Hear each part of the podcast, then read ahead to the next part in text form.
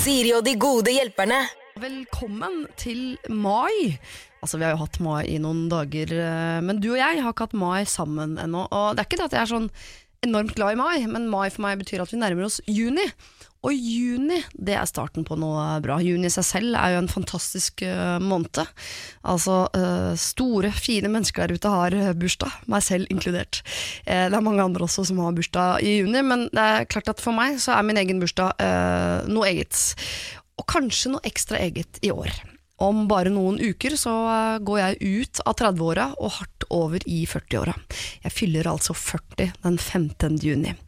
Og er jeg stressa? Det er mange som blir stressa av tanken på å skulle bikke et nytt tiår, men jeg syns i bunn og grunn at det er litt deilig. Da. Jeg, det er ikke det at jeg liksom syns det er deilig å bli 40, men jeg syns bare det er deiligere at jeg er på vei inn i en roligere og tryggere del av uh, livet. Jeg syns det er gøy med drama, jeg. Så er gøy å grine og gøy å være redd og alt det der, men jeg syns det er litt deilig òg, at man ikke syns ting er så farlig lenger. Ting er ikke så skummelt.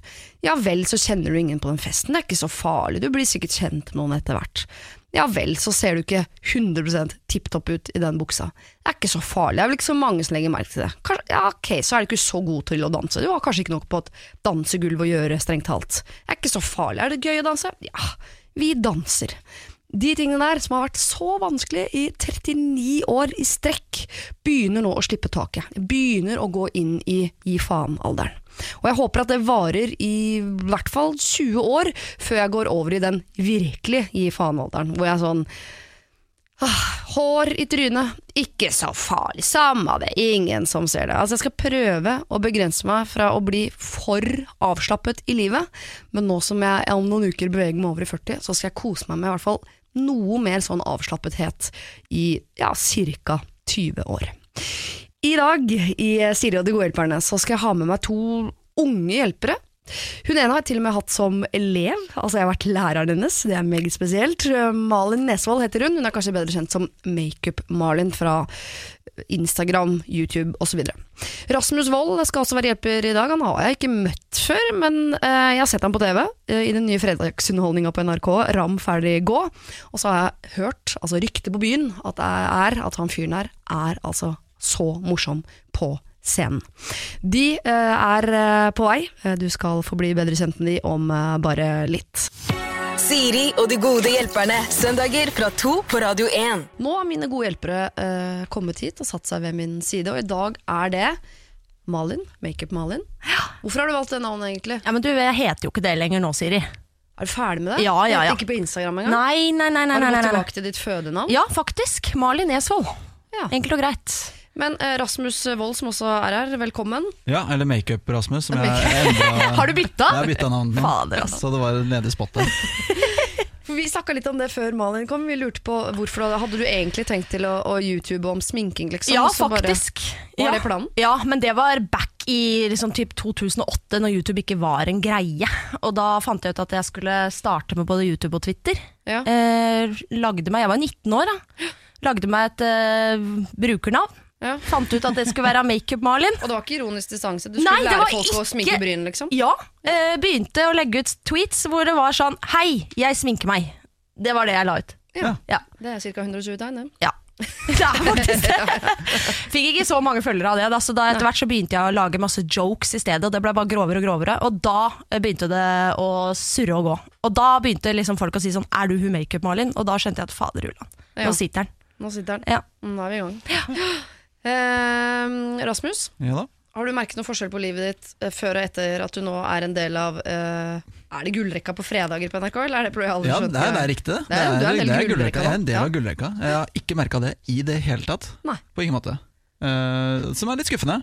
Ja. Eh, ikke fordi jeg har så lyst til å bli kjendis, men det er bare skulle ønske at det var flere som hadde lagt merke til programmet. Jeg er sikker på at Når du sier Ramferdig gå nå, så er det mange lyttere som er sånn Det har jeg aldri hørt om. Men det går fredag kveld, og det er egentlig i utgangspunktet veldig kult og stort. Jeg må være ærlig og si at jeg ikke har sett det, men, men jeg har sett det på nettspilleren. At det står 'ram ferdig gå', 'ram ferdig gå', og jeg har tenkt sånn hva er det greiene der? Ja, Ja.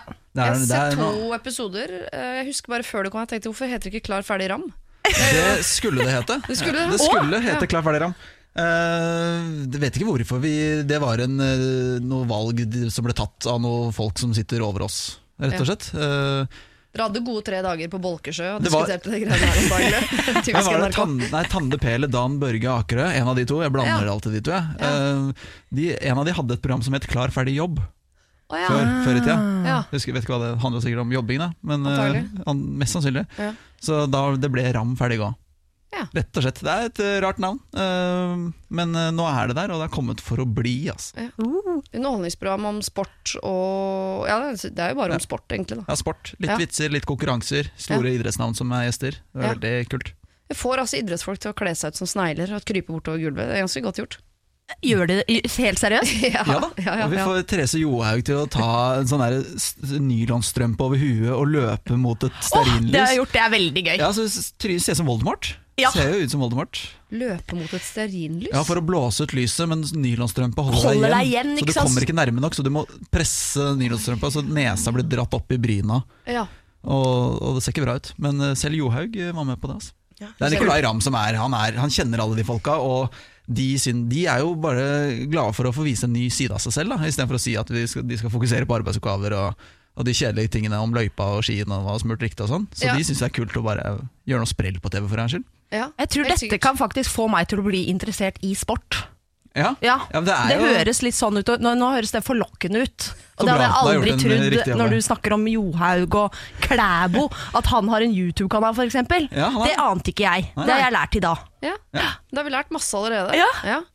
Herfra ut dere så skal vi jo uh, lære folk å leve livene sine, egentlig. Uh, det er ikke sikkert dere får til selv, det vet jeg litt om, men uh, det skal, kan vi også godt dykke litt i. Men folk har jo problemer hele tiden. Ting de syns er vanskelig, veit ikke hvordan de skal komme seg ut av, skal vi snakke om det, skal vi ikke snakke om det, hvordan skal jeg si det, osv. Og, så og det skal vi prøve å hjelpe til med nå i de neste timene. Siri og de gode hjelperne. Mail oss på siri at radio1.no. Jeg har fått med meg da altså uh, Malin Nesvold, som jeg nå skal kalle deg til evig tid, Ja. og uh, Makeup-Rasmus Det stemmer. fra Gullrekka på NRK. Dere vi har fått inn et uh, spørsmål fra en som eh, gjerne vil bli kalt for eh, Thea, og hun skriver Jeg har en venninne i slutten av 20-årene som er singel og ønsker å finne seg en kjæreste. Noe jeg også ønsker at hun gjør. Problemet er at hun er veldig kresen, og hver gang jeg foreslår en gutt, så finner hun feil ved han. Hun har en slags liste med krav som må oppfylles, og den inkluderer bl.a. at han må være over 1,85 høy, ha en jobb hvor man bruker dress, og ha leilighet sentralt eh, beliggende i byen hun bor i. Selv er hun pen, smart og kul, så hun fortjener en bra fyr, men jeg syns hun er for streng med tanke på disse kravene. Hun skjønner ikke hvorfor hun fortsatt er singel, og jeg ønsker å fortelle henne at det kan nok være fordi du er så kresen. Men jeg vil jo ikke såre henne. Syns dere jeg burde ta det opp med henne? Hilsen da Thea. Skal Thea si til venninnen sin at du er nå Det er deg det er noe gærent med, på en måte. Grunnen til at du er singel, er deg. Ville du sagt det, Rasmus? Ja. Eh, jeg syns det er, høres ut som helt uh, merkelige krav å sette til sin fremtidige kjæreste. Altså sånn, du- er det det som skal være utgangspunktet for kjærligheten i forhåpentligvis mange år? Da? At han er over så og så høy? Altså sånn, hva hvis du møter er verdens beste det sånn. fyr på 1,72, da? ja, det kan jo Som skje. ikke går i dress på jobb, og så er han verdens beste fyr, og så bare Du, du bruker ikke dress på jobb. Nei. Så det går ikke. Det er jo helt meningsløst. Det er jo ingen, det er ikke der uh, fighten er. Det er, der, det er ikke det det handler om i det hele tatt. Det er nesten som å følge stjernetegn. Sånn, jeg, jeg har fått beskjed av stjernen at jeg leter etter en lyshåra fyr. Så hvis du har mørkt hår, så er det bare å flytte seg. Du er tyr, ja. ja, Ja, men da tyr. må vi rett og slett slå opp. Sorry. Hva tenker du, eh, Malin? Jeg har, du, tenker- har du en sånn liste, eller? Nei, jeg har ikke en sånn liste. Det er akkurat eh, litt sånn som du sier, Rasmus. Det blir vanskelig å finne noen da, syns jeg. Så jeg, jeg ville nok ha sagt det, altså. Og jeg ville litt, kanskje ha sagt det akkurat sånn som du sa det, for du sa det på så veldig fin måte, Makeup Rasmus. Tusen hjertelig takk. Ja, Du må slutte å være så kresen. Det er ikke det kjærlighet handler om, osv.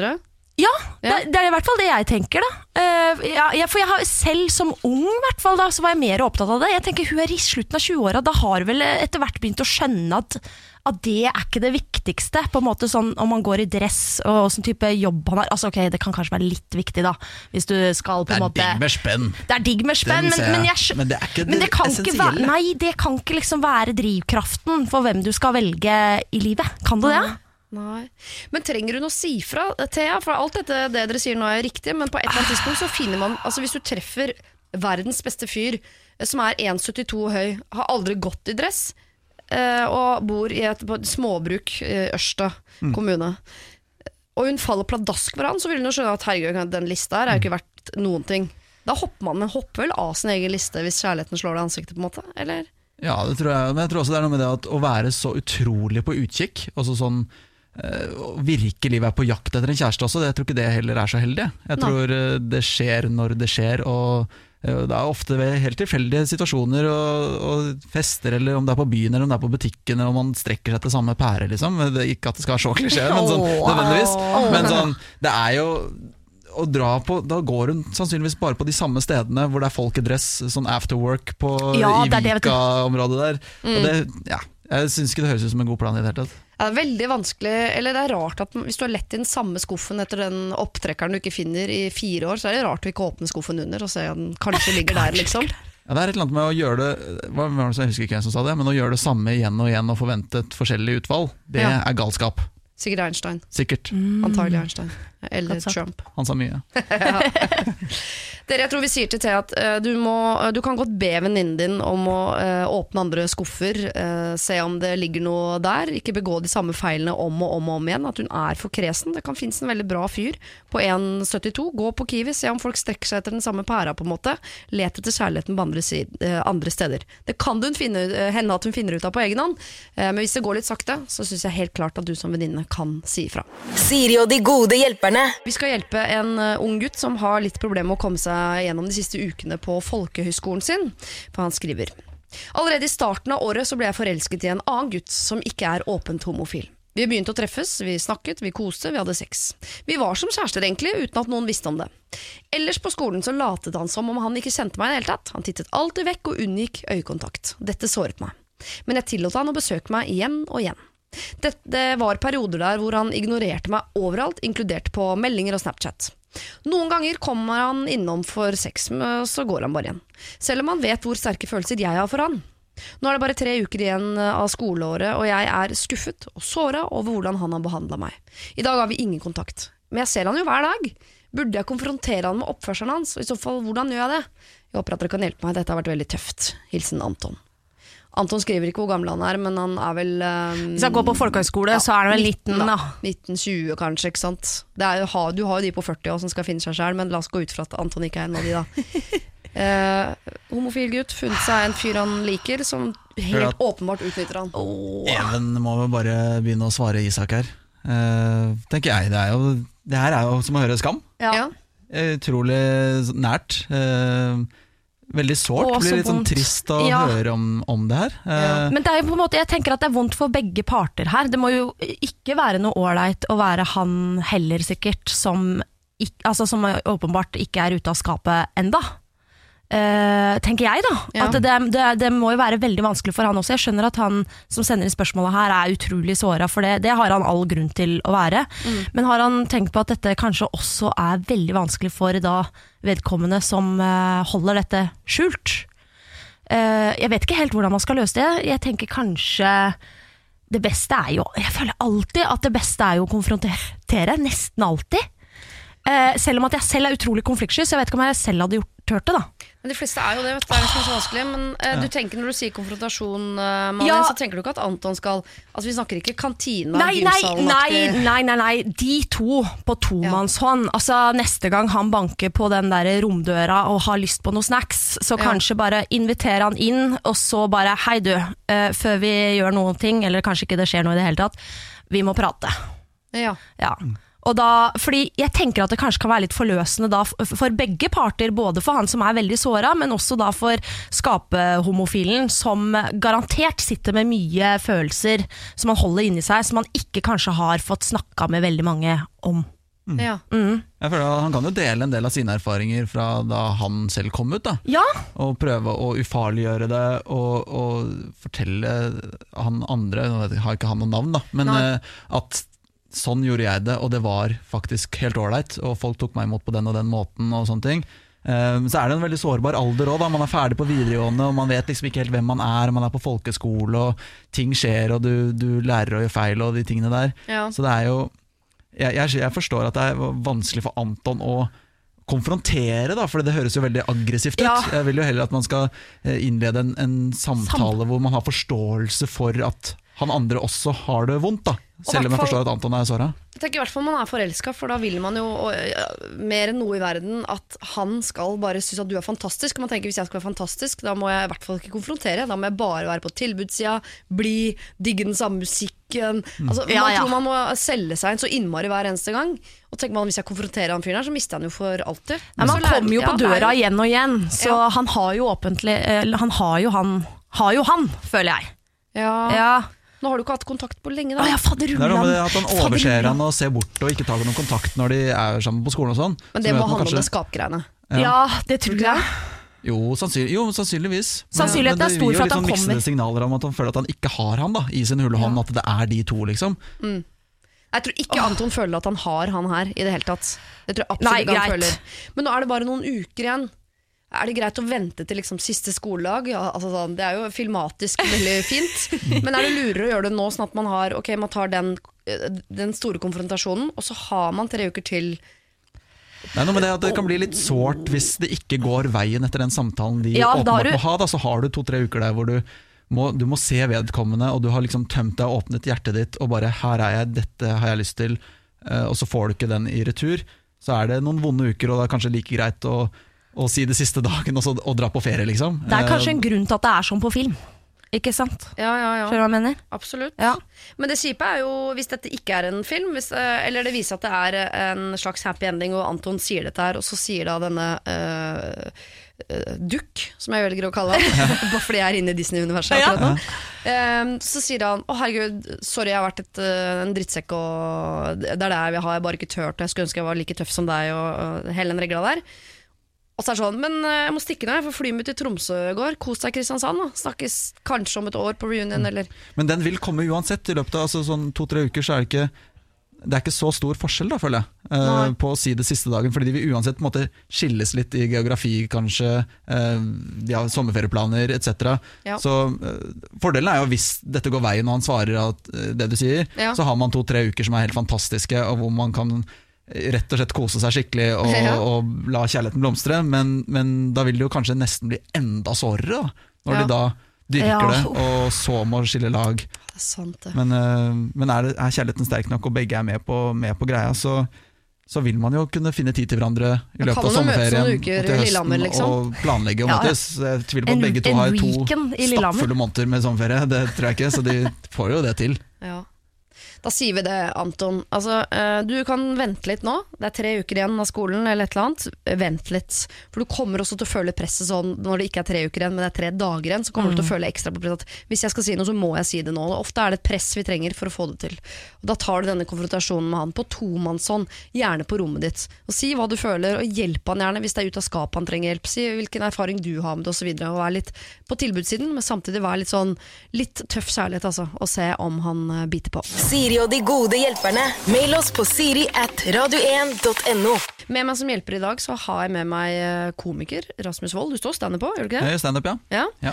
Og eh, altså da YouTuber Malin Nesvold. Du har ikke prøvd deg som standuper ennå. Nei, det har jeg ikke. Er det så fjær... Kunne du liksom vurdert det, eller? Altså, Folk sier jeg er litt morsom, eh, men eh, jeg har skikkelig prestasjonsangst, så Ja. jeg står ikke standup. Det, det, det tror jeg er mitt største mareritt. Men du legger jo ut YouTube-filmer og Ja, ja, er ikke problem. morsom og, Ikke og problem, og selv om jeg vet at, folk, at det sitter tusen stykker og ser på det, ikke problem, men med en gang du ser responsen, du får jo responsen folka Ja. der Jeg orker ikke. Orker ikke tanken, altså. Jeg skjønner ikke du klarer det. desto større oppside når det går bra. Da. Det er jo, jeg har jo gjort det dårlig så mange ganger på scenen. Til altså, helt stillhet. Jeg har folk som har spurt om de kan få igjen penger etterpå. Nei! Og sånn. ja, da.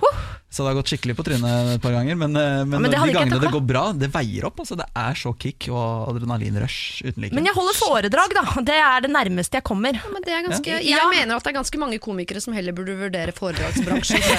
Ikke sant? Det er ikke vits å være en sånn halvmorsom komiker. Da kan du heller være en morsom Ja, og det vil jeg si er. Ja. Ja. Bra. Dere, Vi skal hjelpe en som heter eh, Marte, som hennes eh, dop er på en måte trening. da for å si det sånn. Og hun lurer på følgende. Jeg bor i nærheten av en stor gravplass hvor det er perfekt å løpe intervall. Det er god plass, det er flott natur rundt, og viktigst av alt, jeg får som regel være helt alene der. Men er det respektløst å drive og løpe der? Når det kommer noen dit for å besøke en grav, så pleier jeg å dra, men må jeg egentlig det? Jeg er veldig usikker på etiketten her, jeg. Jeg vil jo ikke støte noen. Håper dere kan hjelpe meg, hilsen Marte. Altså, Kan Marte løpe intervall mellom gravstøttene, eller er det respektløst? Det er helt sjukt. Sjukt? Jeg syns det er helt vilt å gjøre. Eh, altså, men det er som Du gir jo fingeren til de som ligger der, og bare se hva jeg kan gjøre. Se hva, hvor sprek jeg er, se hvor livsforlengende dette er for meg. Jeg syns, jeg syns en gravplass Den er freda og hellig, og du skal gå der med all respekt. Jeg, det, jeg, jeg har skikkelig klart Jeg tenker ikke at det er så- jeg tenker fram og tilbake mens hun roper 'dette skulle dere kanskje gjort mer av'! Nei, jeg er jo ikke der, liksom. Nei, altså De er jo daue uansett, altså de som ligger der. Er sånn, at, sånn at de merker jo ikke det. Men det er, det er jo heller overfor de pårørende kanskje da som det kan bli litt sånn forstyrrende hvis det er intervalltrening på G når du skal legge ned blomster og Ja. snakke noen godord med, med bestefar. Men er det ikke ofte sånn folk sier at um, man vil jo uh, Syke mennesker sier jeg vil at det, skal være god stemning i begravelsen, dere må leve videre. Ikke sant? Man vil jo, det er ikke sikkert at, at man ønsker at kirkegården skal være et helt sånn øde og, Nei, og trist. Det er en grunn til at vi setter blomster der. Det er for å gi litt liv til Ja, Jeg mener ikke at en god intervall erstatter en blomsterbukett, ja, altså, men er det liksom Jeg, jeg er usikker på etiketten sjøl. Jeg har ikke opplevd Nei, men kunne du ikke heller gjort altså sånn, Ok, da gjør du intervallene dine, men kanskje også gjøre en eller annen sånn tjeneste for uh, Altså for de døde, da. Altså sånn, kan du uh, etter Altså Når du tøyer, eksempel, tøy og strekk deg ned mot en grav, plukk, luk noe ugress. Altså, gjør noe. Litt. Ja, men Sånn at, at du har en funksjon der eh, utenfor det å bare trene sin egen kropp. da Kan gjødsle, tror- liksom. ja, altså, liksom ja, fordi da tenker jeg liksom at. Ja, fordi da tenker jeg at da Da tror jeg kirka blir fornøyd. Da tenker jeg at uh, de som er pårørende blir fornøyd. Jøss, her er det Hun jenta der er veldig ålreit. Hun kommer flere ganger i uka hun, Og gjødsler. og gjødsler og luker og pønter til. Og tøyer Ja. oppå den døde faren min. Det, jeg, syns, jeg, jeg tenker sånn Hvis hun hadde Hva spurt hvis faren som din syns at det er ut... Altså, du aner ikke. Tenk ja, det var hans ville fantasi, og tenker bare at view, selvfølgelig. ja, at, at han får det flere ganger i uka. Jeg, jeg, jeg tenker sånn Hvis hun hadde spurt de som driver den kirka Ja. eh, Er det greit at jeg løper litt intervaller oppå her, Ja. så hadde hun fått nei. Nei, det tror jeg ikke. Det er ikke. nesten sikker på. Nei, Den norske kirke, der folk melder seg ut, og det er altså så grøslig stille eh, på, i, i kirken om dagen, at jeg tror at de kommer til å bare, bare bli glad og si heller 'mer intervall'! Kom, vi, vi Hvis, hvis, hvis det her blir greit, da, hvis hun fortsetter å gjøre det, så, så, vil jo det, så vil jo folk som går forbi og sånn, «Å, jeg løper en intervaller oppå graven. Ok, men kanskje det, ja, her var det rolig og stille, her er det bra. Og så begynner så blir det den nye Frognerparken. Det blir Folk løper på kryss Åh, og tvers det ja, gjennom steiner. Det, og. Det, det, er ikke, det kommer ikke til å holde seg til én Det blir jo kommer til å eskalere i antall joggere. Ja. ja. Nei, jeg tror mm, Men kan vi inngå et kompromiss, da? At hun kan løpe der, men hvis det kommer noen som ser veldig lei seg ut, så kan hun eh, på sette opp farten og løpe videre på en måte ut av kirkegården? Ja, og er det en uh, bisettelse, så hold deg for Guds skyld unna, holdt jeg på å si. Hvis, ja, hvis det er en kristelig begravelse. da. Ikke løp rundt rundt et gravfølge, liksom. Nei. Nei. Nei. Nei. Jeg liker jo samtidig den tanken at de som ligger der, eh, de er jo døde, som du sier. Det er, Ja. noe, det er ikke noe imot dem, sånn sett. Nei, det er mer det de at er jo, de den plassen blitt skal være hellig for så Altså, det er jo bare gress og altså, Basically gress og stein. Ja. Og noe skjelettbiter. Ja. Ja. ja. Sorry, folkens. Marte, jeg tror eh, overfor de som eh, ligger i grava, så tror jeg ikke du skal ha så store kvaler. Men eh, de menneskene som oppsøker dette stedet for å kanskje ha en rolig stund sammen med noen de er glad i, der skal du ha litt takt og tone. Så uh, ta, løp videre vekk fra disse menneskene som uh, sørger. Ikke oppsøk de på noen måte. Eller spør kirken om de trenger en til å, å, å gjødsle litt sånn i forbifarten, eller om du kan ha en funksjon utover det å bare skape litt sånn liv og røre med intervallene dine mellom gravstedene. Ja. Siri og de gode hjelperne. Søndager fra to på Radio 1. Jeg skal ta et uh, problem for dere, Malin og Rasmus, som er ganske langt. Uh, det handler om backpacking, så dere kan jo allerede begynne å rote i eget arkiv og, og prøve å huske om dere selv har vært på backpacking, og hvordan det føltes. Hei, vi er tre jenter på 20 år som for øyeblikket er på backpacking, der to av oss har et lite problem. Den tredje jenta, la oss kalle henne Kaja, har gått fra å være supersosial og festglad og sprudlende til å bare ville sitte inne på kveldene, ikke møte nye folk og til tider heller ikke spise eller drikke. For noen måneder siden fikk hun seg kjæreste, og fra første dag på reisen har hun snakket konstant om han. Alt fra hvor mye hun savner og elsker han, til hvor snill og kjekk han er. Da hun foreslo at han skulle komme på besøk noen dager, tenkte vi at ja, kanskje det ville hjelpe, så vi sa at det var greit. Han kom, og ting ble absolutt ikke bedre. Dagene han har vært her, har hun nektet å spise mer enn to ganger daglig, drikker dårlig og blir sur når vi minner henne på at man fort blir dehydrert her i varmen. Flere kvelder har hun eh, tydelig vært gretten uvel og ofte svetta masse, selv når vi er inne med aircondition. Altså klare tegn på for lite væske. Humøret svinger veldig, og ting har nesten bare blitt verre på den sosiale fronten. Snart drar vi videre et sted hvor det er mye festing, noe vi har sett fram til. Hun har allerede sagt at hun ikke kommer til å ha lyst til å være med ut hvis vi skal det.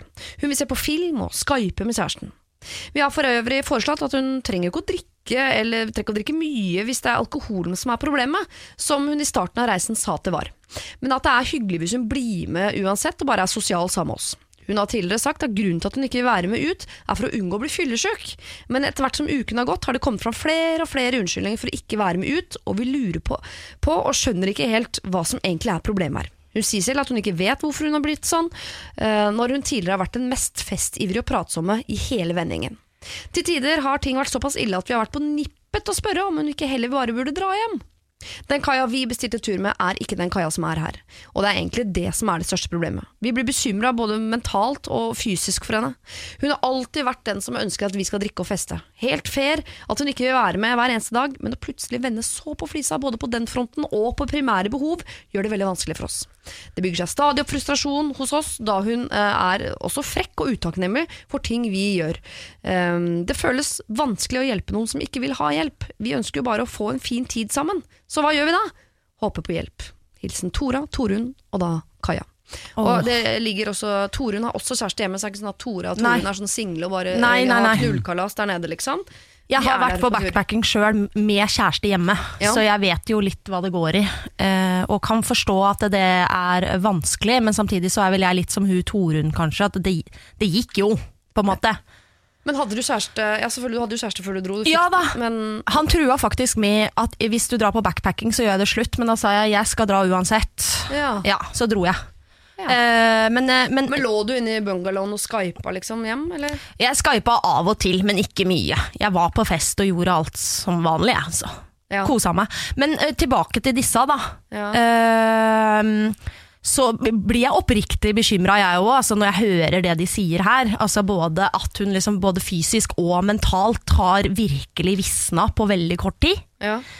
Eh, har de snakka altså, Hva skjedde når kjæresten kom på besøk? Det nevnte hun ikke noe om. Gjorde hun det? Nei, men det virka ikke som hun var så veldig bedre. godt humør, og var i hvert fall ikke noe bedre humør etterpå. Nei. Nei. Det virker jo nesten som Altså, noe må jo ha skjedd. Altså, noe Det kan jo bare være at det savnet hun kjente på før Ja. han kom, ble verre av å se han. Ja. Ikke sant?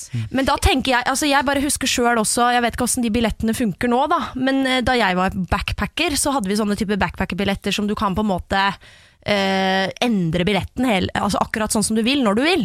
Ja. Eh, da ville jeg kanskje, sånn som de var litt inne på slutten der Dratt hjem. ja. Betta, ikke benet Ikke benet, men bare si at dette er jo Altså, hva, hva får du ut av Altså, vi skulle på backpackertur. Vi hadde disse målene, på en måte. Dette er det vi ønska med å få ut av turen. Ja. Eh, nå, nå sitter du egentlig bare Dette kunne du gjort hjemme, på en måte. Sitte og sett på Netflix og vært deppa. Altså, ikke, kanskje ikke si det på den måten, da. Nei, men, men skjønner du hva jeg mener? Ja, ja, ja. ja. Men vi trenger ikke å gå helt til løsningen Nei. Nå, Men uh, jeg trenger bare vite om du har vært på backpacking-tur du også, Rasmus. Jeg har reist mye, men ikke på sånn ren backpacker-tur. Men jeg har vært veldig mye ute og, ute og reist.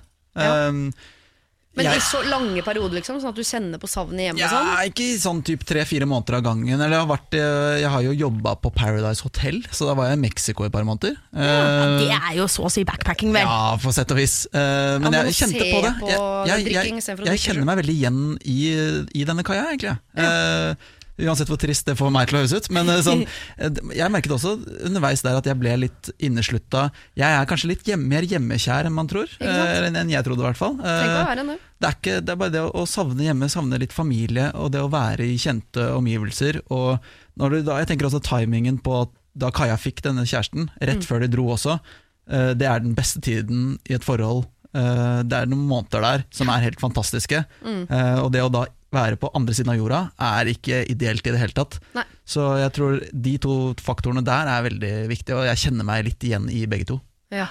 Vi skal ta og snakke litt mer eh, om det straks. Vi skal høre Sigrid sin 'Strangers' eh, først. Og så skal vi se om vi kan bli enige om en eller annen løsning som kan funke ikke bare for Kaja, men også for eh, Tora og Torunn. Siri og de gode hjelperne. Mail oss på siri at radio1.no. Kaja har gått fra å være festglad til å være inneslutta, vil ikke feste. Spiser ikke så mye, er sur, litt frekk, vil ikke ha hjelp. Og Tora og Torunn lurer på hvordan de kan eh, endre denne situasjonen. De har vært inne på å nevne for henne at det er lov å dra hjem, og det kan jo hende at Kaja egentlig har lyst til å dra hjem, hun bare tør ikke å si det. Det kan jo veldig hende. Ja. Det kan hende også at hun ikke vet at hun vil hjem. Det tenker jeg. At, hun, rett og slett bare, at det har ikke gått opp for henne at det er det som egentlig er greia. At hun er hjemmekjær, hun vil være sammen med eh, den nye kjæresten. Mm. Eh, og, og det også å ha fått en, en kjæreste gjør jo at man kanskje blir litt mindre festglad. eh, Ja, I mange absolutt. tilfeller. At man har ikke det behovet for å gå ut og møte gutter og, og feste og drikke alkohol. og Kanskje gjøre noen dumme ting, eller altså, det livet som venninnene lever. Da. Nå skjønner jeg at Torunn også har kjæreste, men kanskje de har vært sammen litt lenger. og at det kanskje var bra for deres forhold. Det er jo veldig fra forhold til forhold hvordan man, hvordan man håndterer det. Men eh, det, jeg syns også det høres litt ut som at eh, man skal lufte det på en fin måte uten at man skal gjøre så mye drama ut av det. At man skal skilles som uvenner og nei, det funka ikke fordi hun ble så jævlig kjip, liksom. Det er jo bare å si at nei. Nei. kanskje du er rett og slett litt hjemmekjær, at det er best for alle, vi, og så kan vi dra på en litt kortere tur om, om et år, eller ja. Jeg tenker å legge fram At man kan legge det fram på en måte hvor uh, Kaja forstår at hun kan komme med forslag om å dra hjem. Så ikke det, altså det må legges fram med kjærlighet. Vi er bekymret for deg. Er det sånn at, uh, tror du du får det bedre hjemme? Eller Man kan ikke legge det fram som at vi er drittlei at du ikke Nei, nei, nei. eh, fester med oss, og syns jeg du bare må pakke sakene dine og dra hjem. Altså Da er det, da er det kjørt. Da er det er det, nå, vennskapet over. nå er Ja. dere to selvfølgelig eh, kvinner, og jeg vet ikke helt hvordan det, hvordan det funker. Men jeg har jo hørt ymse rykter om at tre jenter på tur kanskje ikke er den ideelle kombinasjonen. Også at det blir ofte litt to mot én i forskjellige situasjoner. Ja. Ja, jeg tenkte at det var ikke det, var ikke det lureste, i du hører jo at det er Tora og Torunn, liksom. Ja. Og så er det Kaja. Ja. Ja. Eh, så det kan nok hende at Kaja også kjenner på at Tora og Torunn er nærmere hverandre. Hun føler seg litt på utsiden, så begynner å føle på det. Og så blir det gapet større og større. Og så savner du kjæresten. Ja, si det kan godt være, altså. Jeg kjenner igjen dette her òg, ja, for vi var faktisk tre i utgangspunktet når vi skulle reise på backpacking sjøl. Ja. Men uh, der skjedde heldigvis uh, på en måte den derre Kanskje det ikke er så lurt å være tre-utvelgelsen. Det skjedde før vi dro, da. Ja. Men det var, det var jo litt tøft, altså. Ja. Så, og nå, de er jo allerede på denne turen, Mm. øh, og har jo hatt ganske mye forventninger til turen. Men så blir jo ting aldri sånn som man forventer uansett. Nei. Og så er det ikke alle som er like glad i å feste. Jeg Nei. bare, mitt største mareritt vil være å være fanget i Thailand med to venninner som bare vil feste. Ja. og selv at du er Ja, litt altså lei. litt, litt innadvendt og kanskje ikke så gira hele tiden. Også, altså dette presset med at man, altså man alt, De gangene hun kanskje har vært med på fest i starten, og sånn, så har det ikke vært liksom, så lystbetont heller. Nei. Så da det blir det en sånn ond sirkel på Og så høres det for meg, altså med dette her at hun ikke spiser, alle de tingene det, altså Jeg har jo hatt kjærlighetssorg uh, sjøl. for meg kan det minne litt om noe sånt. At, uh, at hun er i en eller annen type sånn litt sånn nedeperiode. Litt Ja. de, deppa, rett og slett. Kjærlighetssorgaktig. Og som du sier, gå- heller vennlig fram og på en måte si at vi er oppriktig bekymra for deg, både med, fysisk og mentalt. Ja. Uh, og at, at vi bare har lyst til å lufte. Uh, vi har ikke lyst til å sende deg hjem. Det, det vi aller helst vil, er jo på en måte at vi kan bare ha det helt fantastisk her. Ja. Men, men nå er det nå engang sånn at uh, vi har kommet i denne situasjonen. Og Legge det fram med kjærlighet, rett og slett. Ja, Ja, jeg bare tenker kanskje at det kan si noe uh, i retning av uh, uh, Vi er veldig glad i deg, Ja. og vi savner den Kaja som vi vet at du kan være. Men Kaja, du savner jo kjæresten din. Ja. Det ser ut som du savner hjemme. liksom Du har slutta å spise, du drikker ikke. Det ser ikke ut som du har det bra. Det er ikke noe Eh, poeng å bare sitte og hale dette ut fordi at dette skulle være den fete turen, de, og så blei det ikke det. Det er Nei. ikke noe poeng. Istedenfor å da dette festpresset også, så, og at hun hele tiden må dras med på fest. Og kanskje man, de kan heller okay, legge festen bort til side en liten uke eller to. Ja. Og så kanskje man drar på en fjelltur, eller man oppsøker noe Ja, annet. Litt sånn andre aktiviteter som ikke er så alkoholprega, eller så, Ja, hva, det hva er så tungt. Da. ja, kanskje legge fram det som en sånn Og hvis de da kommer til enighet med at det er lurt å kanskje at Kaja drar hjem, så som du sier da, legg vekk alkoholen. Gjør litt kos ut av det de siste dagene før hun da eventuelt returnerer. Ja. Men ikke legge fram Tora Torunn som om eh, nå går vi på fjelltur, det er det vi skal gjøre resten. Ikke lur henne til å tro at nå skal vi ikke feste noe mer, for Nei. dere vet jo at det er det dere skal. Så vær greie med Kaja. Kaja har det ikke bra. Hun gjør det ikke for å være slem. Hun er venninnen deres. Ikke glem gamle Kaja.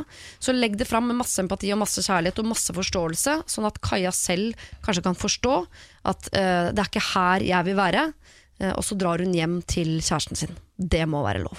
Siri og de gode hjelperne. Sola har et veldig kort spørsmål til oss, egentlig. Bunad eller ikke, spør hun. Jeg har bunad, brukt den i mange år, men nå har jeg lyst til å pynte meg vanlig. Mutter'n blir nok skuffa, men eh, Sola lurer på, uh, hva tenker dere? Bunad eller vanlig på 17. mai? Jeg har akkurat uh, fått meg bunad, jeg. Nei, Så jeg er superfornøyd med det. Så jeg, i mitt hode så er det bare sånn bunad med en gang jeg hører det spørsmålet her. Men, Ja. men jeg kan jo forstå også at man er lei av det og komme seg inn i den varme bunaden der år etter år og jul etter jul og 17. mai etter 17. mai. Men eh, jeg syns jo det er noe veldig flott med bunad, samtidig som det er noe rart nasjonalistisk over det. Som Har du på eget initiativ gått og skaffet deg en bunad, eller har du eh, arvet Eller hvordan kom det plutselig en bunad inn Fikk på kroppen din? Fikk bunad til eh, 25-årsdagen min av Ja, familien. er tradisjon i slekta. Wow. Hvilken type? Eh, hva heter Østerdalsbunad, heter det. Er det nikkers? Ja. Å, herregud. Ja. Eh, jeg må ikke møte deg på Nei, 17. mai. ikke jeg heller, kjenner jeg. Altså. Ja, jeg, Ja, men Sånn tenker jo vi, vi gutter om, om norske kvinner også. Sånn, Ja. eh, å se, det er helt nydelig å se på. Jeg syns det er nydelig. Jeg syns det motsatte. Jeg syns ikke det er nydelig. Jeg synes det Altså, Jeg det er nydelig Jo da, jeg syns det er nydelig på jenter, men jeg vet ikke. Det, er, det, det skurrer på gutt. Menn i bunad for meg er um, Syns du det er lekkert? ja, ja, ja, ja. Med nikkers og strømper og hatten og alt? Ikke så glad i hatt. Nei. Ikke jeg heller, faktisk. Det er sånn jeg tenker på Når jeg ser, eh, ser damer i bunad som har sånn tilhørende hatt. Ja. Ta av deg hatten! Du har bunaden, ta Ja. den av deg. Men er det ikke, nå skal jeg stille deg et spørsmål, for at jeg har jo aldri hatt bunad, ønsker meg bunad, men må jo alltid da kle meg som en av de andre, som fotfolket, på en måte. Mm. Og du kan prøve å kle deg så søtt og fint du bare vil, men med en gang du står ved siden av en i bunad, Ja. så ser du ut som en hore. For, Ja. altså, sånn, du kan ha syrinfarget eh, skjørt og uh, bluse og hudfarget strømpebukse, liksom, så kommer Hore, hore, du i hore, og så er hore, hore, hore, hore, hore med en gang. Ja. Nei, men Jeg har også vært hore alle 17. maier, faktisk, siden jeg, jeg var liten. Så, men jeg også har lyst på uh, bunad. Ja. Uh, men jeg tenker sånn, jeg har vært en av de som har pynta meg, pynta meg sånn vanlig. da Vanlig, vanlig, vanlig. Mm. Uh, og da har jeg veldig lyst nå Nå kjenner jeg på det at jeg gleder meg sånn en vakker dag. Så kanskje jeg skal kjøpe meg en bunad og, og glede meg til å være en av bunadsgjengen. Ja. Men da skjønner jeg også at det er motsatt. Det er akkurat som at jeg Jeg vet ikke, det er den samme greia, tror jeg. Eh, jeg er veldig glad i poteter. Mora mi er veldig glad i ris. Hun vokste opp med poteter, skjønner du hva jeg mener? Ja. Ikke sant? Da blei hun glad i ris, mens jeg blei motsatt. Da hater jeg ris fordi jeg, jeg fikk for mye år, ris. Storpupper vil ha småpupper. Ikke sant?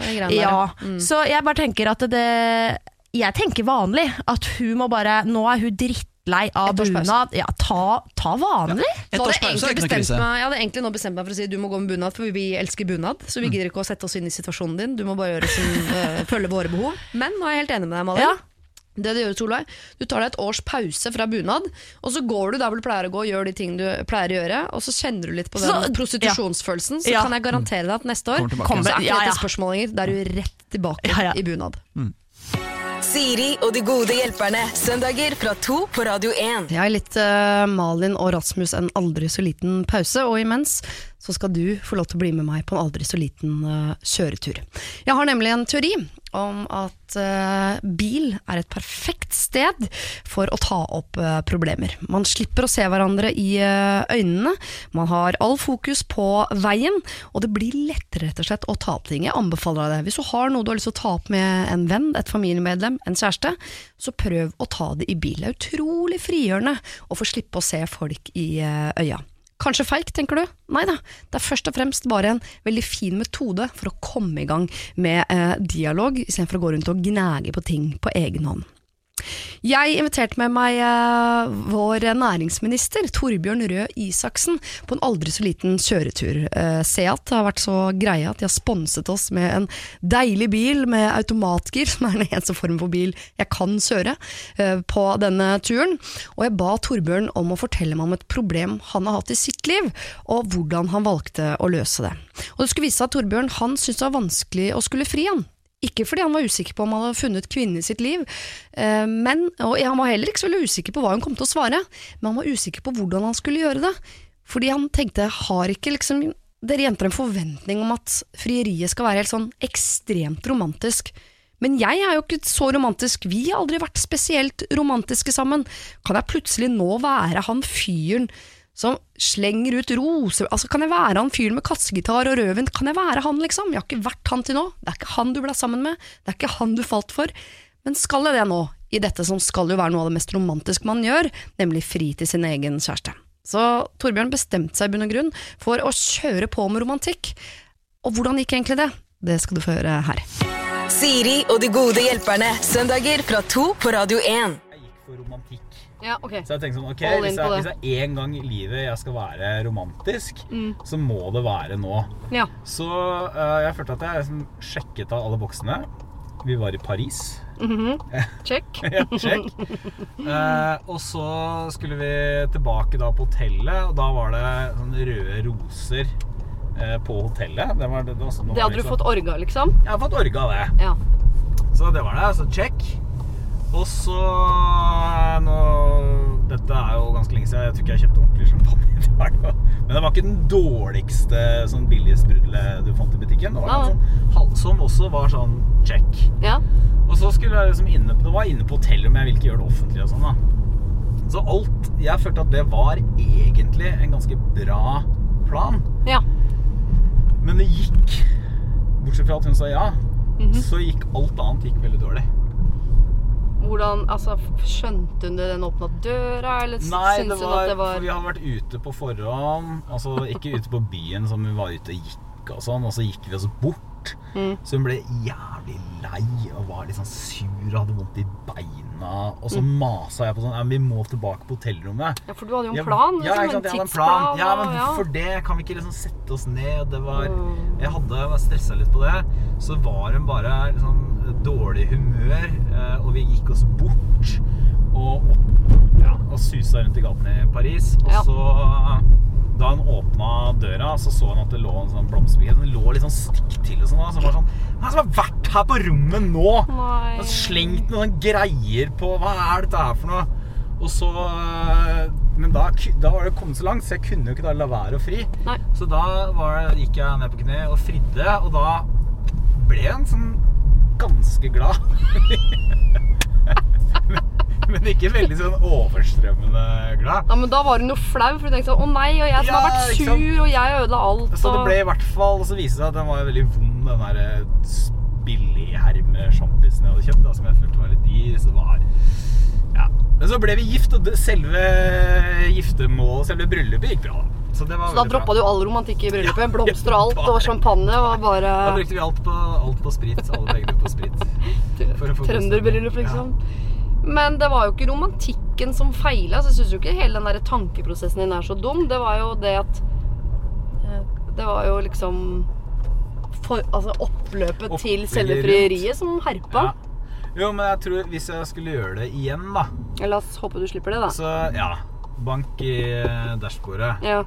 Så, så tror jeg at jeg ville satsa Så tror jeg jeg ville hatt litt større selvtillit på egne vegne og på vårt forholds vegne. Ja. Altså Ikke at jeg behøvde å være noe eh, tullete eller ironisk, eller noe sånt, men at jeg kunne, kunne kanskje fridd på en måte som var mer passet mer for oss. Sto i samsvar Passet- til ja, deres ikke forhold, forhold, Til vårt forhold. Så da Ja. ville jeg kanskje kunne like godt gjort det hvis vi hadde kvelden før når vi hadde, en, vi hadde vært ute og spist og hadde det gøy og tok noen drinker og gjorde litt sånn. Ja. Men heller spørre da. Selv om det kanskje ikke hadde vært like flott og romantisk og røde roser og sånn, så hadde det kanskje passet bedre, da. Siri og de gode hjelperne. Ali Nesvold og Rasmus Wold. Nå tenker dere at jeg feis i studio, ikke sant? Ja. Dere hørte den lyden? Jepp. Det er fordi jeg har på meg skinnbukse og sitter på uh, semsket skinnunderlag. Så den lyden den lager jeg ganske mange ganger hver, gang, eller hver dag. Uh, og jeg ser på folk rundt meg at det er det de tenker. Du bruker skinnbukse hver dag? Nesten hver dag. Å, jeg, har, jeg tror jeg har fire-fem Det er det er det plagget Ja, jeg men da må jo du ha sjukt mye soppinfeksjon. Fordi den fukten som bevares inni der Jeg produserer ekstremt lite varme, så jeg er et Ja. veldig lite klamt og svett menneske, ja, okay. egentlig. ja, Ja. Da er det greit. Jeg er veldig kald. Altså Ja. utenpå. Inni er jeg varm. Ja. Veldig, veldig Inni varm menneske. Ja. Jeg vil bare gjøre dere oppmerksomme på, på det, og til alle andre der ute i verden som også har hatt den samme opplevelsen sammen med meg. Siri Prompakke! Nei. Det er bare det hun sier. Det, det, det, Det var ikke meg! Hun slapp ikke, en liten due. Uff, jeg kunne fortalt en lang historie om jeg var på date en gang. Trodde akkurat, det var så vondt og grusomt. Ja. Jeg turte ikke å si fra. Ok, vi går videre. Dere, vi skal, eh, Apropos eh, sopp og klamme ting, så skal vi holde oss litt i den eh, leia, faktisk. For eh, det er en som blir kalt for Finn, som har skrevet inn. Hei, jeg er en relativt ung mann på 32 som lever et vanlig liv. For øyeblikket er jeg singel, men jeg dater og koser meg. Jeg har jobbet i samme jobb i noen år nå, og vi som er her kjenner hverandre godt. Bortsett fra vår nye sjef. Hun er meget dyktig, og alle liker henne. Problemet er at hun ofte har musefletter.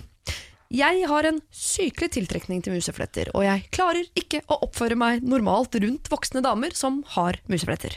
Jeg blir helt rar, og jeg klarer ikke å høre noe av det de sier. Så møter med henne osv. er helt umulig for meg. Jeg klarte en viss grad å skjule det, men hovedproblemet her er at veldig mange av mine kollegaer vet om denne fetisjen fra tidligere. Så de blir jo også veldig rare og fniste på mine vegne. Og jeg ser at sjefen reagerer på dette, men hun skjønner jo ikke helt hva som skjer. Og da lurer jeg på, må jeg være han ansvarlige som sier fra om dette? Og bare så det er sagt, jeg er ikke tiltrukket av henne sånn ellers. Ok. Hadde Han er bare tiltrukket av museflettene? Når du har musefletter, så ram, altså, da blir jeg så kåt at jeg vet ikke hva jeg skal gjøre av meg. Det her er helt utrolig spesielt. Ja. Uh, jeg ser for meg stemninga på kontoret der òg. Det er uh, de kollegaene som koser seg de Ja. dagene sjefen har på seg musefletter. Uh, For da veit man, nå sliter Finn. Nå sliter Finn bak Ja. der. Han later som han skriver i Word. Gjør ikke det. Nei. Eh, men det, så rar ting å ha en fetisj for. Er noe, da har han sett mye sånn uh, schoolgirl-porno, føler jeg. Da er det Ja. noen som har satt seg fra barndommen av, eller et eller annet der. Er det ikke noe, hvis man har Ja, en sånn fetisj, så er det et eller annet som har skjedd. Det er et eller annet som skjedde i barndommen. Jeg hadde en lærer en gang som var på samme måten, så hvis vi ikke ville ha skole den dagen, så tok alle jentene og satte opp husfletter, for da klarte ikke han å undervise. Er det sant? ja, men ikke sant? Ja, men ikke sant? Hvis det er det, da, så er det jo kanskje et litt sånn underliggende Ikke et problem, altså jeg vet ikke helt, men, men uh, kunne det vært en idé å søke hjelp? Altså sånn type, Ikke bare et råd her på radioen, men sånn typ snakka med noen, og kanskje fått dette litt sånn Lære at seg Finn må kvitte seg med Jeg- fetisjen Nei, ikke kvitte seg, bare Nei. få kontroll på den. Oh, ja. Sånn at han faktisk kan For det, det, det blir jo veldig vanskelig ute i, i verden, altså i livet, å hele tiden eh, måtte vike og passe seg for folk med musefletter. Jeg håper at Finn, og jeg tror og håper at Finn bare har denne uh, fetisjen når det gjelder voksne damer med Ja, musefletter. Hvis ikke så er jeg enig at det Ja, blir vanskelig. Så. Ja, Men voksne damer må jo også uh, slutte å Gå bruke musefletter. Ja, det er kanskje noe med det òg. der, Ja. der problemet ligger litt, at hun går såpass ofte med musefletter. også. Ja. Eh, Vi får håpe at det er de som ligger, at ikke det er sånn tutte rett ut. Men nå vet ikke jeg hva de jobber med, men hadde det gått an å prøve å pakke det inn, altså få med kollegene, og kanskje på en måte fått til en slags sånn i den, her på, på, i vårt kontorlandskap, eller her går vi ikke med musefletter. At liksom At de kan få til en sånn regel på jobben. Snike, Ja. Sniken inn, snakke litt høyt i lunsjen, sånn at sjefen akkurat hører det. Et eller annet sånn hun Jeg holdt på å date hun dama, men så hadde hun musefletter, så jeg styrte unna, liksom. Og så Ja. overhører hun det, og så vet hun at det var ikke meningen at jeg skulle høre det. Og Altså, da kan du jo stage det med de andre kollegene, for de vet jo om fetisjen din. Men de kommer ikke til å bli med på det, for de elsker det som skjer. Ja, det er det, vet du. Finn Ja, ja, ja. Så Så dette tror jeg ligger det er vondt å si Ja. fra også. Hvordan skal man si fra til sin egen sjef? For da, Nei, hun Det eneste, med, det eneste jeg trøster meg med her, i sånne situasjoner, er at hvis dette er kleint for, for Finn, så kan Finn trøste seg med at det er veldig veldig flaut for henne, så hvis du tar det opp med henne, så blir det enda verre for hun. ja. Og da blir det veldig, veldig, veldig, veldig flaut der og da, og så tror jeg det bare liksom går over. Eller Ja, men gjør det det når alle de andre kollegene Altså idet hun slutter å bruke musefletter, så er problemet borte. Ja, det er jo, ja. Men det vil bli en periode der som er ganske klein. Eh, Men det si går fra. over. Det går over. Jeg Ja. syns ikke det var en dum idé, altså. Hva med, å ta seg en runk i lunsjen? da? Bli ferdig med det. Starte på Ja, økt to med det ny giv. Er det det som er greia hans, liksom? At det, tror du det bare blir borte ved å ta seg én runk? Han kommer tilbake på slutten av dagen, ja. Ja, det gjør den kanskje. Ja, det, det, det Altså, folk Noen kommer tilbake etter bare fem minutter. Det har jeg Ja. erfart. Det, Ja, ja, ja. Så Da er du veldig, veldig heldig. Nei da. Men eh, eh, jeg vet jo at det er et tips som man gir til gutter noen ganger. At hvis de har uh, problemer med atferd, så skal de runke før de går på byen-aktig. Ja. Eller sånn eh, at, at man ser på en, eh, en, eh, en pornofilm med en med musefletter, og akkurat idet du holder på å komme, så viser du bilde av noe helt annet. Mora di eller noe sånt. Mora di. For, ja, det er litt kjipt å få fetisj på mora si, da. Men hvis det, ja, Men- det men no- men ja, noen men jeg tenker ikke behandle dette på egen hånd. Dette, da, nå høres det ut som ting kan bare bli mye verre. Mest sannsynlig. Ja, Skal vi ikke behandle fetisjer med runking? Det pleier ikke å Nei, være nei! Jeg tenker, Nei, nei, Finn, Jeg mener at må all, alle verdensproblemer kan løses med en liten runk. Hvis man tar en runk Det virker mer som de toppene gjør akkurat det. rett etterpå. Det var veldig fint det møtet mellom Sør-Korea og Nord-Korea, men det hadde vært enda finere hvis de runka. Det, håndtrykk, Det hånd- det håndtrykket der var klamt. Ja. Det er det eneste som er sikkert der. Jo, men det, jeg kan ikke Altså Hvis du påstår, eh, Rasmus, at uh, Finn kan komme seg gjennom en arbeidsdag ved å runke i lunsjen, så syns jeg ikke det er så veldig veldig dumt forslag. Nei, jeg tror det er mulig. Uh, Må i hvert fall prøve det. Kan være han har prøvd, selvfølgelig. Eh, Ja. Jeg føler at Ja, men Finn, bare så lenge dette handler om uh, seksuelt uh, voksne, holdt jeg på å si, over uh, den seksuelle lavalderen, og helst litt over det òg. Ja. Ja. ja, Det kan nok hende at det er liksom autoritetspersoner med musfletter. Da rabler det, for det, er jo, det høres ut som starten på en pornofilm. Det skal jeg jo helt ærlig Ja, det gjør Ja. det.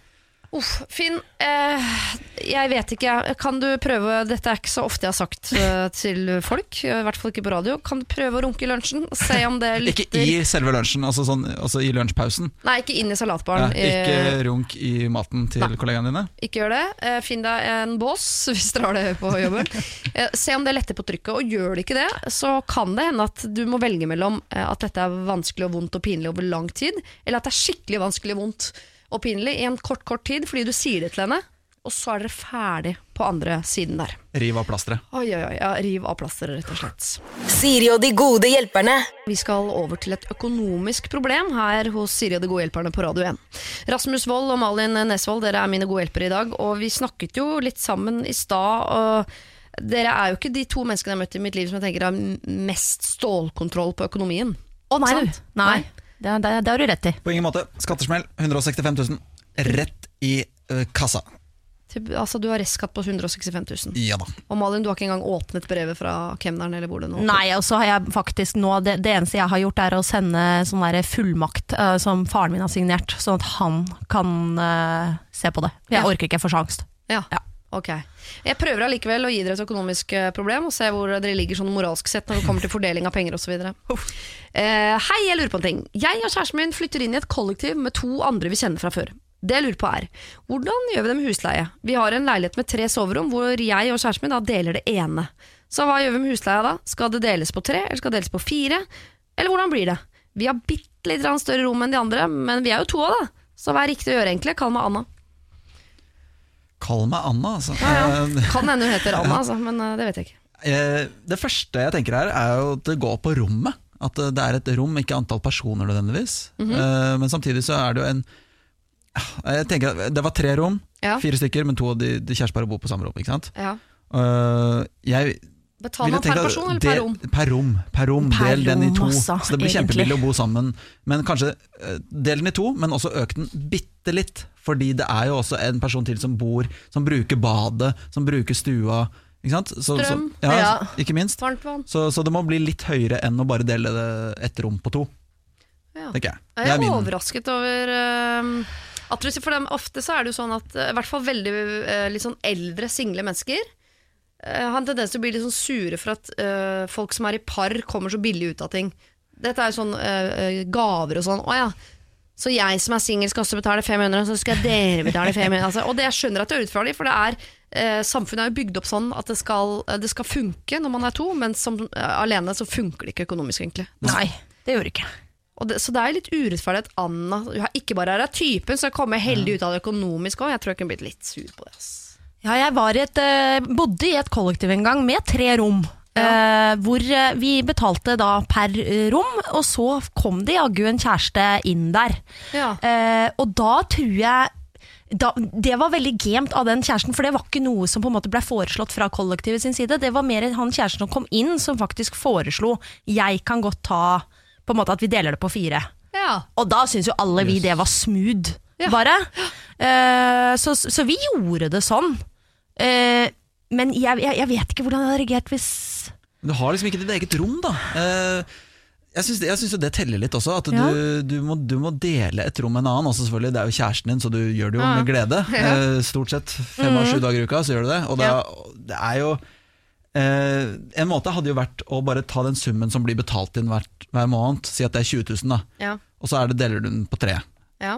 Eh, da blir det typ litt under 7000. Mm. Eh, og så kan de andre få Si at det er 6800 kroner eller noe sånt. da Ja. Så betaler de 6500 kroner. Et par hundre kroner ned. Alle de andre, for de skal, ja. ha, Ja. de skal betale litt mindre. For det er en ekstra person der. Og det er veldig Det kommer jo an på hvor, hvor, hvor tar, han, tar de seg super til rette og er sånn Det er virkelig en person for mye i leiligheten, eller er det en som er sånn, sånn stille, rolig, som ikke er bruker noe særlig, som smyger litt i gangene og sånn? Jeg vil jo tro at det er større slitasje mentalt at det er et par der òg. At det alltid skal være to. Altså Det er jo litt sånn Å ja, dere Ja. er to om ting.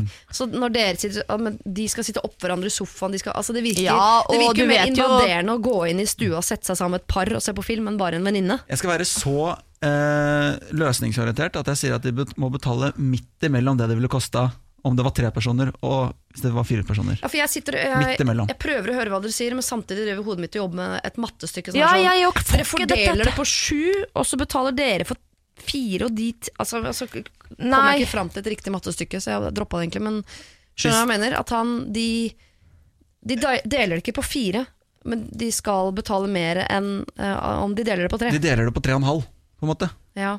Blir ikke det Nå Ikke spør det- meg. Nå, nå er jeg ute. Nå er jeg ute. å uh, rive seg i håret. Men Nå hadde jeg ringt faren min. min. skjønner premisset, selv om Ja. ikke vi har satt opp Ok, ja, da. Okay, en ok, måte. ok, Ja. Tallet 24 går Ja. opp på tre og fire stykker. Ja. Uh, Nå er vi, Nå er vi der. Nå er vi der. Eh, så det hvis, hadde det vært fire stykker, så hadde det vært 6000 per hode. Ja. Ikke sant?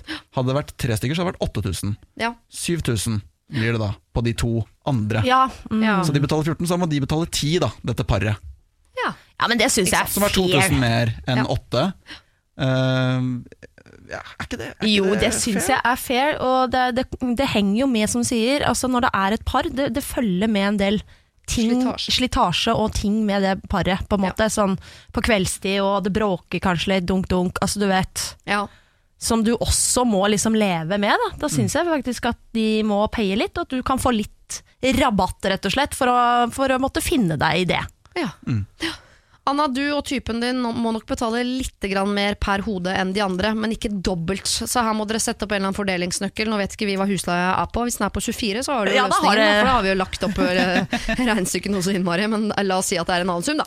Så må dere finne en eller annen måte å fordele det der på, som gjør at uh, dere ikke verken deler på tre eller fire, men et eller annet sted midt imellom. Siri og de gode Du Vi hører på Radio 1, hvor jeg, Siri Kristiansen, har med meg mine to gode hjelpere, som i dag er Malin Nesvold. Bedre kjent som uh, YouTuber Makeup-Malin. Altså, Ja jeg vet du har bytta navn, men Ja. folk liksom har Ja hørt. Makeup-Malin mye. De har det. Og dere har kanskje ikke hørt det før, men herfra ut så er det altså Makeup-Rasmus. Ja. Bedre kjent som uh, Rasmus Wold. Ja. Fra scene, TV.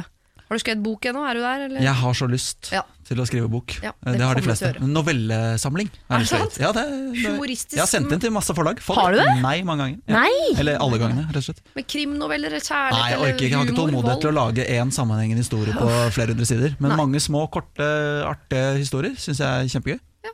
skrive. Det høres gøy ut. Ja, eh, men det syns ikke noen forlag, så Nei. det er kjempebittert for meg. Da ja, må du starte forlag. Da må du starte et forlag. Dere, eh, vi skal til en eh, som er fornærmet, eh, som vil bli kalt for Fride, og det skal hun få lov til å bli kalt. Hun skriver Jeg har et problem som har pågått i noen år. Samboeren min facetimer veldig ofte med familie og kompiser, og jeg beundrer virkelig hans evne til å ivareta kontakt med venner og familie. Problemet er tidspunktet han velger å facetime på. Det kan være i senga etter at vi har lagt oss, når vi er på biltur, når vi er på offentlige plasser, kjøpesenter, matbutikk, og ja, det har til og med skjedd at han har facetimet med en kompis når vi har vært på restaurant. Jeg vil legge til at han ikke bruker øretelefoner under samtalen.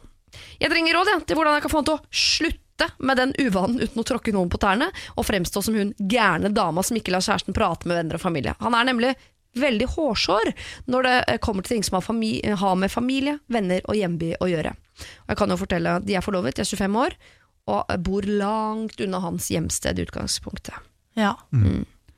Hva, hvordan kan hun få Hvordan skal Fride få typen til å, å få litt uh, face-kutyme? Ikke legg det på en familie altså sånn, Han er åpenbart en familiekjær type, og han trenger å ha kontakt med familien, så ikke prøv på en måte å legge det fram som, som eh, at det er problemet. Nei. At han prater for mye med selve familien og vennene sine. Men kanskje heller Og ikke si kanskje heller at det Og det tenker jeg jo selv, at ikke bare er det et problem for henne.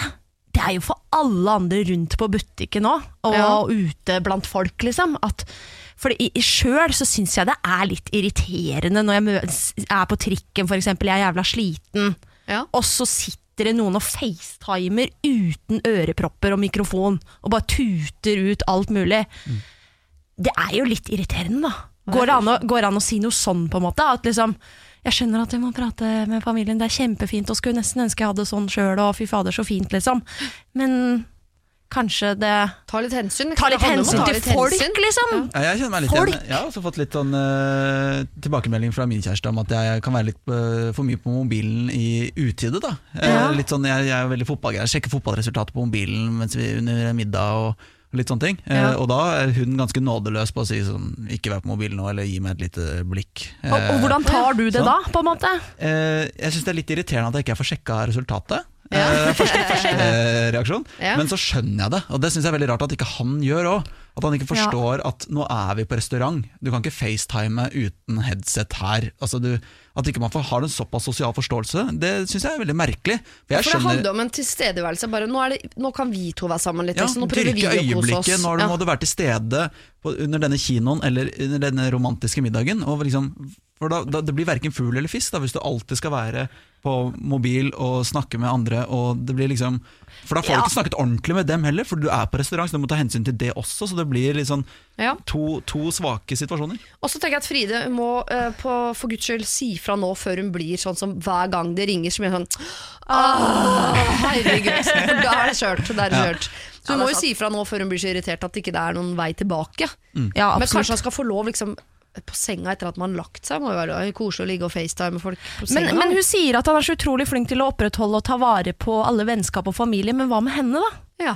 Kanskje det går an å si noe Det er der? så klokt sagt, Ja. Malin. Ja, ikke sant? Der er du klok. Ja, mm, å, ja, ja. Hjernecellene jobber på Ja spreng. Det høres ut som Fride og typen egentlig burde hatt avstandsforhold. Kunne jo skypa seg i hjel. og- Ja, ja. Kanskje det hadde funka bedre, liksom. da, Eller kanskje det er det hun skal gjøre. Som bare be begynne å skype den. Liksom. Bare når hun ligger i senga og han er på, sove på sofaen, at det er sånn de har kontakt. Ja, det høres trist ut. Da. Men, jeg, men, men jeg, hun må jo bare si fra om at, uh, av, at det er takt og tone på når han velger å snakke Ja. med de folka. Uh, Ja. At ikke det alltid passer, at det er kjempehyggelig at han gjør det, men kanskje at han, hvis han blir litt bedre til å planlegge det. Mm. At ok, vi, vi, vi skyper klokka åtte i kveld, liksom, uh, sier han til familien sin, og så vet han det at han ikke legger en romantisk middag til kvart på åtte.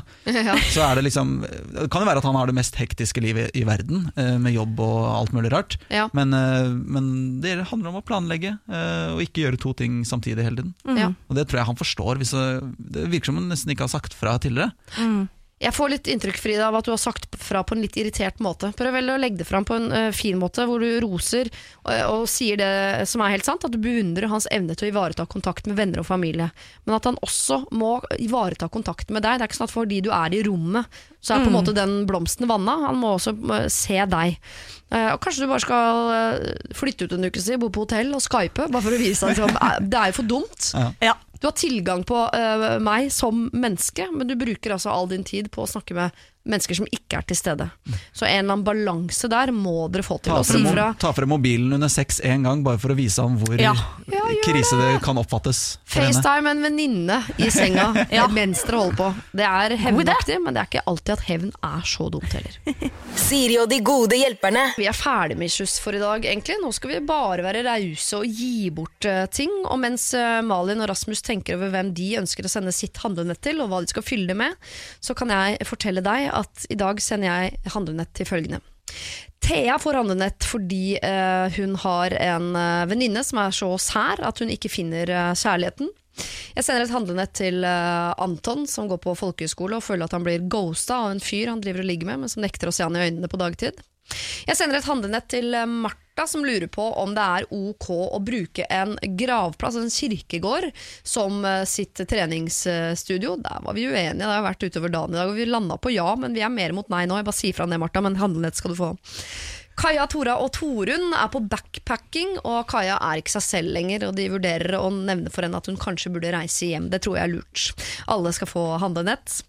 Solveig eh, lurer på om hun skal bruke bunad eller ikke bunad på 17. mai. Og der endte vi vel opp med ett års pause fra bunad, bare for at du skal skjønne verdien av å gå med bunad på den dagen hvor alle andre ser ut som horer.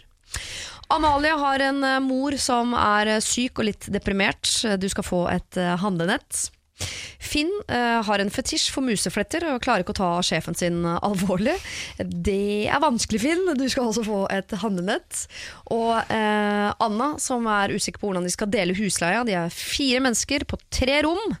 Der har vi altså gått for en verken firefordeling eller en trefordeling, men noe midt imellom som vi matematisk er litt usikre på akkurat hva er for noe. Og til slutt også da Silje, som er lei av at typen facetimer eh, støtt og stadig i upassende og passende anledninger, skal også få et handlenett. Da er jeg spent, Malin, på hvem du vil sende ditt handlenett til, og hvem, hva som er oppi der. Du, jeg kommer til å sende handlenettet mitt til min manager, Thea. For hun hadde bursdag her om dagen, og jeg glemte det.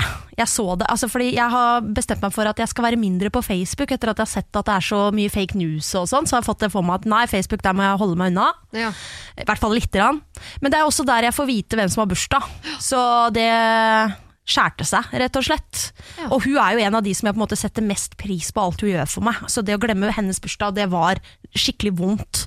Hva skal jeg- være oppi der, da? Nei, det skal bare være sjukt mye donuts fra en spesiell donutsjappe her i byen. Og den der er trendy? ja. Den kjempetrendy. Eh, alle de smakene de har der. Det skal bare være fullt av det, og gi det til henne. Fordi det var også planen jeg skulle gi til henne en gang, men så spiste jeg de opp. Jeg hadde kjøpt de, og så spiste jeg de opp.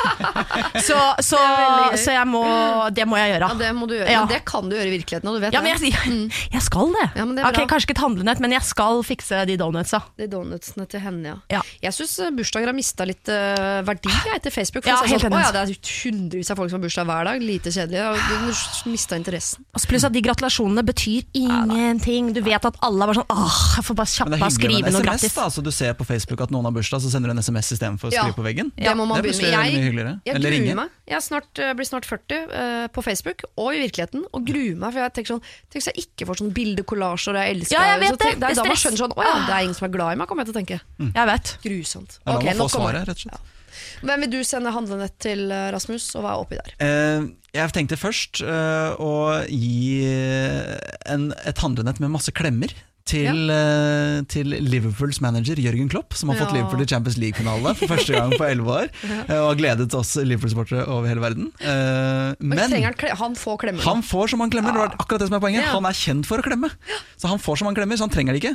Så derfor så vil jeg gi et handlenett med en ny hofte til min far.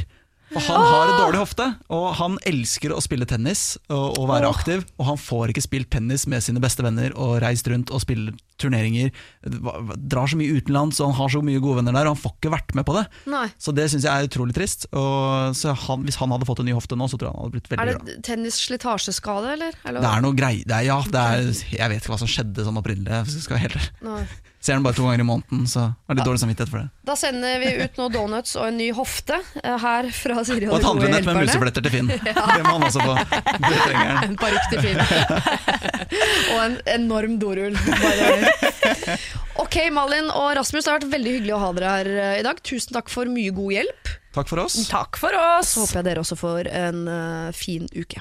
Ha det! Hei, hei. Ha det, ja. Siri og de gode hjelperne. Søndager fra to på Radio 1.